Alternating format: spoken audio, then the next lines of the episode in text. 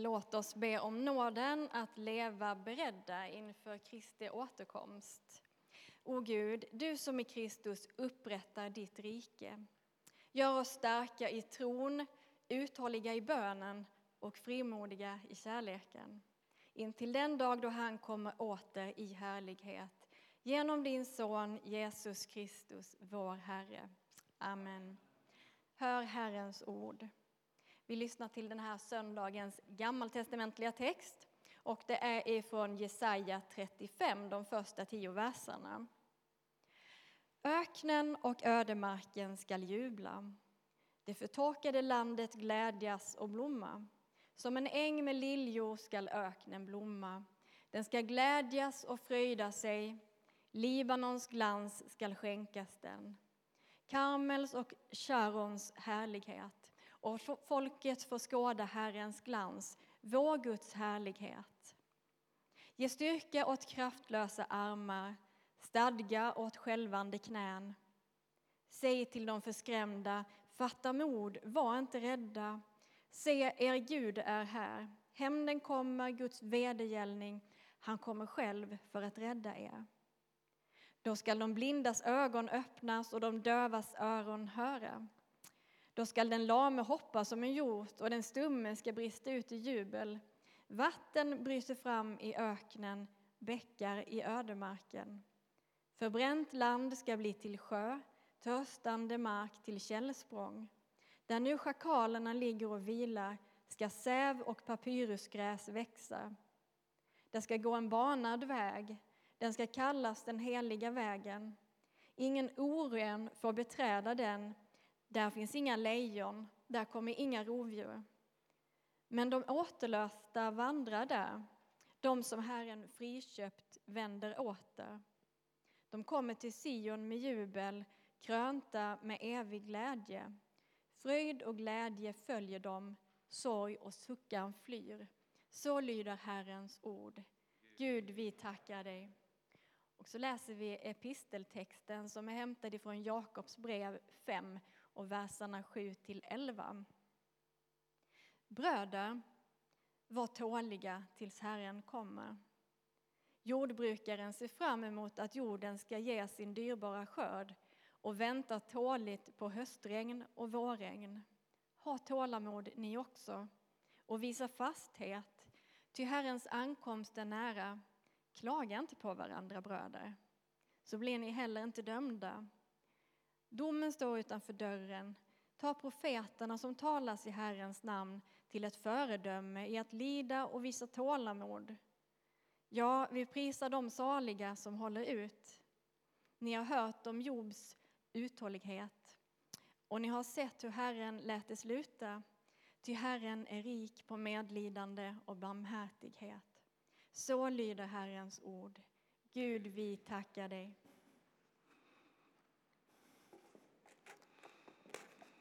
Upplyft era hjärtan till Gud och hör dagens heliga evangelium enligt evangelisten Matteus.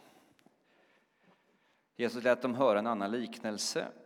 Himmelriket är som ett senapskorn som en man sår i sin åker. Det är det minsta av alla frön, men när det har växt upp är det större än alla örter och blir till ett träd så att himlens fåglar kommer och bygger bo bland grenarna. Han använde också en annan liknelse. Himmelriket är som en surdeg som en kvinna arbetar in i tre mått mjöl. Till slut blir allt sammans syrat. Allt detta sa Jesus till folket i liknelser och han talade enbart i liknelser till dem. Så lyder det heliga evangeliet.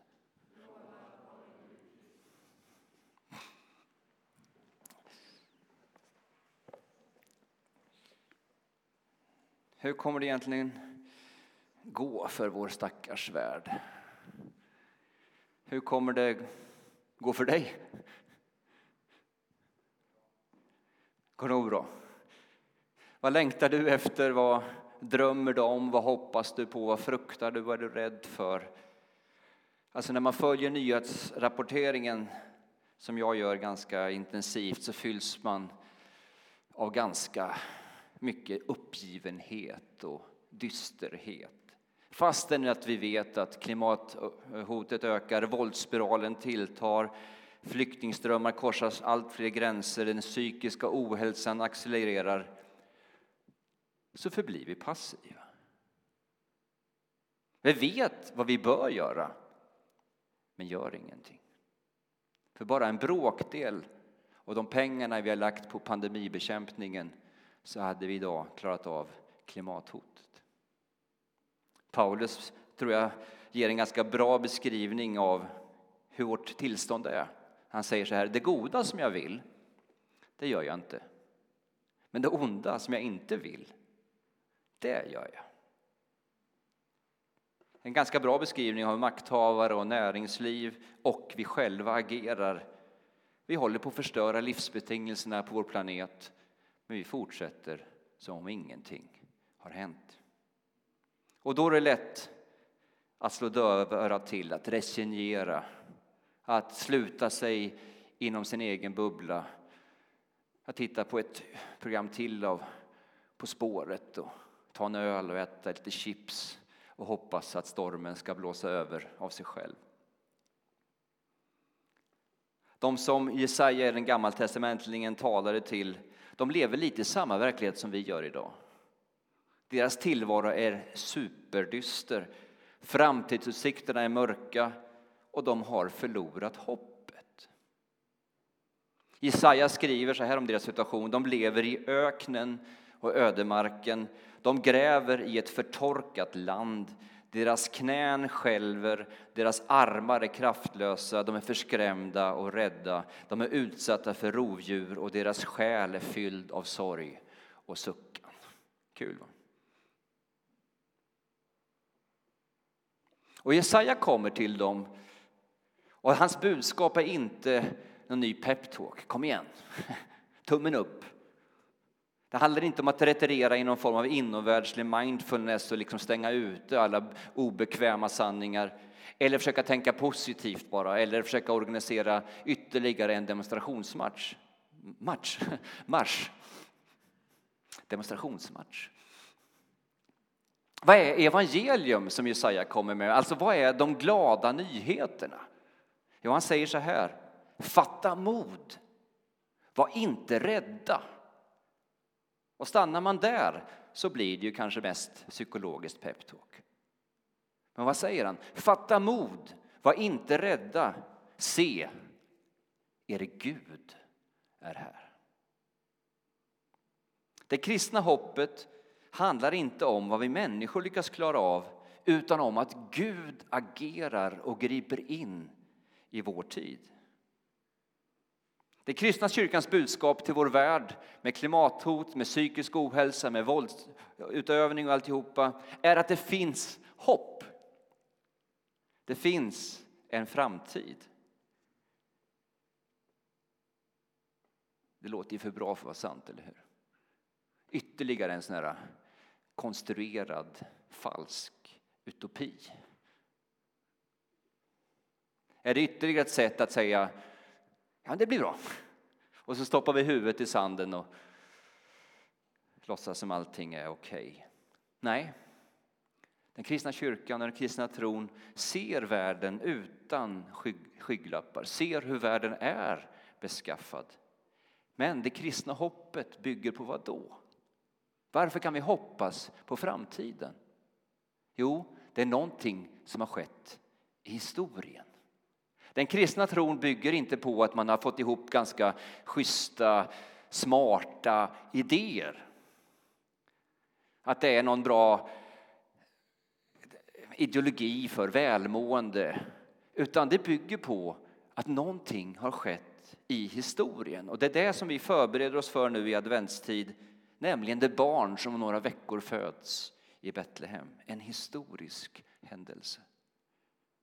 Det kristna hoppet om framtiden vilar på att Jesus kom, delade vårt liv, dog vår död och uppstod till ett nytt liv så att det därför finns en framtid för oss alla. Det är det som tröstar mig, ger mig hopp att inse att det här är någonting historiskt, någonting som har skett i vår tid här och nu. Och det blir så påtagligt när man är i Rom. Hur många har varit i Rom? Ni som inte har varit i Rom, Per har inte du varit i Rom? Ja, det, det, finns två Per, ni sitter precis i samma linje. Andra Per, ni har inte varit i Rom, men måste vara i Rom. För när man går omkring där och ser så är det så. Här ligger faktiskt aposteln Petrus begravd. Här ligger aposteln Paulus begravd. Och när vi var som familj där senast, när det nu var, det spelar ingen roll. Vilket årtal var det? så Colosseum, där avrättades de kristna. De brändes på bål. De jagades av vilda djur. Romarriket satt där med sin makt. Vad hänger där idag? Ett kors. Någonting som har skett i historien, någonting som vi kan veta om. Jesu uppståndelse är en historisk händelse som gör att vi kan vila hela vår livstyngd däremot. Det kristna hoppet handlar inte om att vi ska fly till himlen. You get the pie in the sky when you die. Vår räddning och vår salighet handlar om precis det motsatta. Vi ska inte till himlen. Himlen ska landa på jorden. Det är det kristna hoppet. Ett annat synonym för himlen är Guds rike och idag så är temat på den här kyrkårens söndag Guds rike är nära. Och det ber vi varje söndag och vi kommer be den snart i bönen Fader vår. Låt ditt rike komma. Låt din vilja ske på jorden så som den sker i himlen. Och det är det som åhörarna till Jesajas budskap hör. Fatta mod. Se, er Gud är här. Det är hoppet. Men det verkar inte ske något, eller hur? Jag har ju bett den här bönen i alla fall ett par tusen år nu. Det här Jesu liknelse i dagens evangelietext kommer in om senapskornet och surdegen. Den ger oss vägledning och den ger oss tröst. När Gud kommer till oss, när Guds rike träder in i vår tillvaro sker det inte på det sätt som vi hade förväntat oss. Det sker i det lilla, i det oansenliga och i det fördolda i det långsamt växande. Men det är något som är oåterkalleligt och oemotståndligt. Jesus själv demonstrerar ju senapskornets lag i sitt eget liv. Det som inte såg ut att vara någonting i världens ögon läggs ner i jorden och dör. Jesu eget liv har idag växt upp till ett träd som omfattar hela jorden. Alltså vi har ju, eftersom vi lever nu så har vi så svårt att föreställa oss hur det var för lärjungarna. Alltså efter Jesus har uppstått från de döda så sitter elva mycket förskrämda, förtvivlade män inlåsta i ett rum. För de är rädda att romarna ska ta dem också. Och så kommer Jesus till dem, uppstånden från de döda. Och så säger han till de här elva killarna i en avkrok i det romerska imperiet och säger så här, gå ut i hela världen och förkunna evangelium för alla folk. Hallå? Alltså de har ju färre än vad vi är i kyrkan idag. Vad ska ni göra? Ni ska ta över världen, är det okej? Okay? Kul arbetsbeskrivning.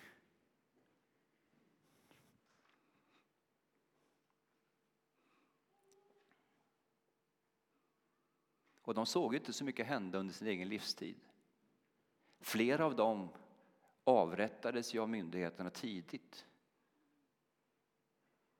Men idag finns det kristna på Fiji, på Barbados, Nordkorea, Mongoliet, Afghanistan, Argentina, Kanada, Malmö.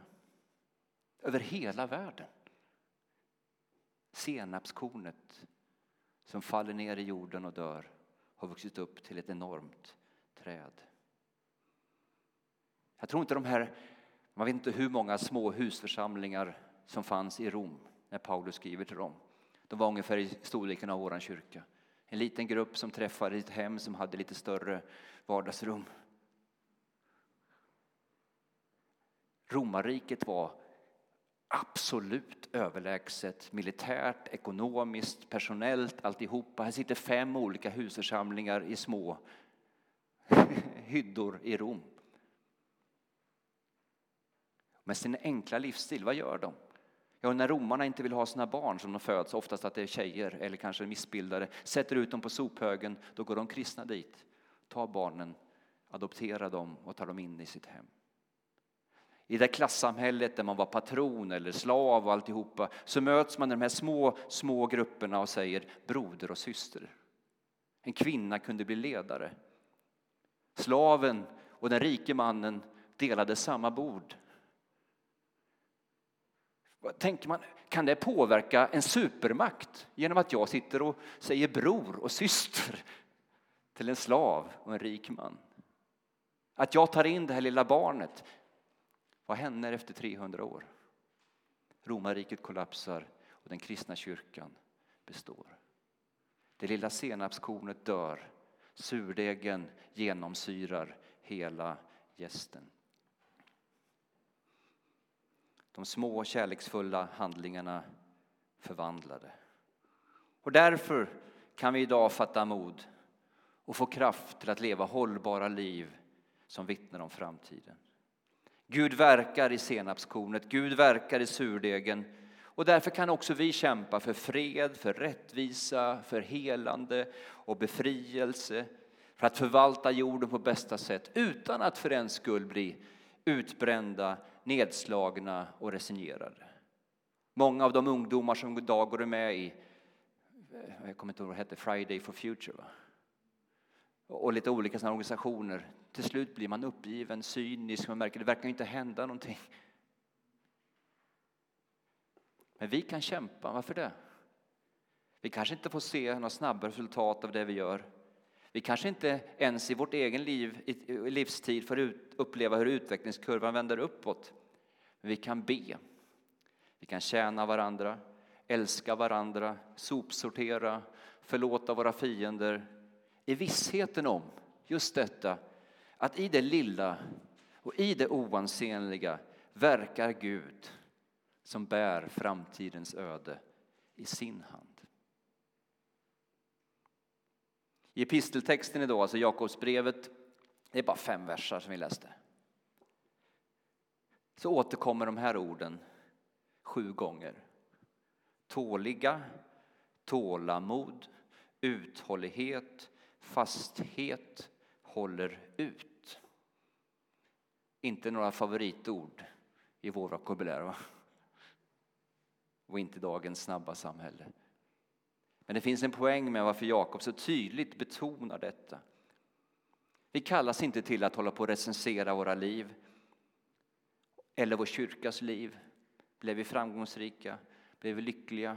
Blev vi härliga? Fick vi se de resultat vi önskade? Hoppet vilar på att Gud griper in.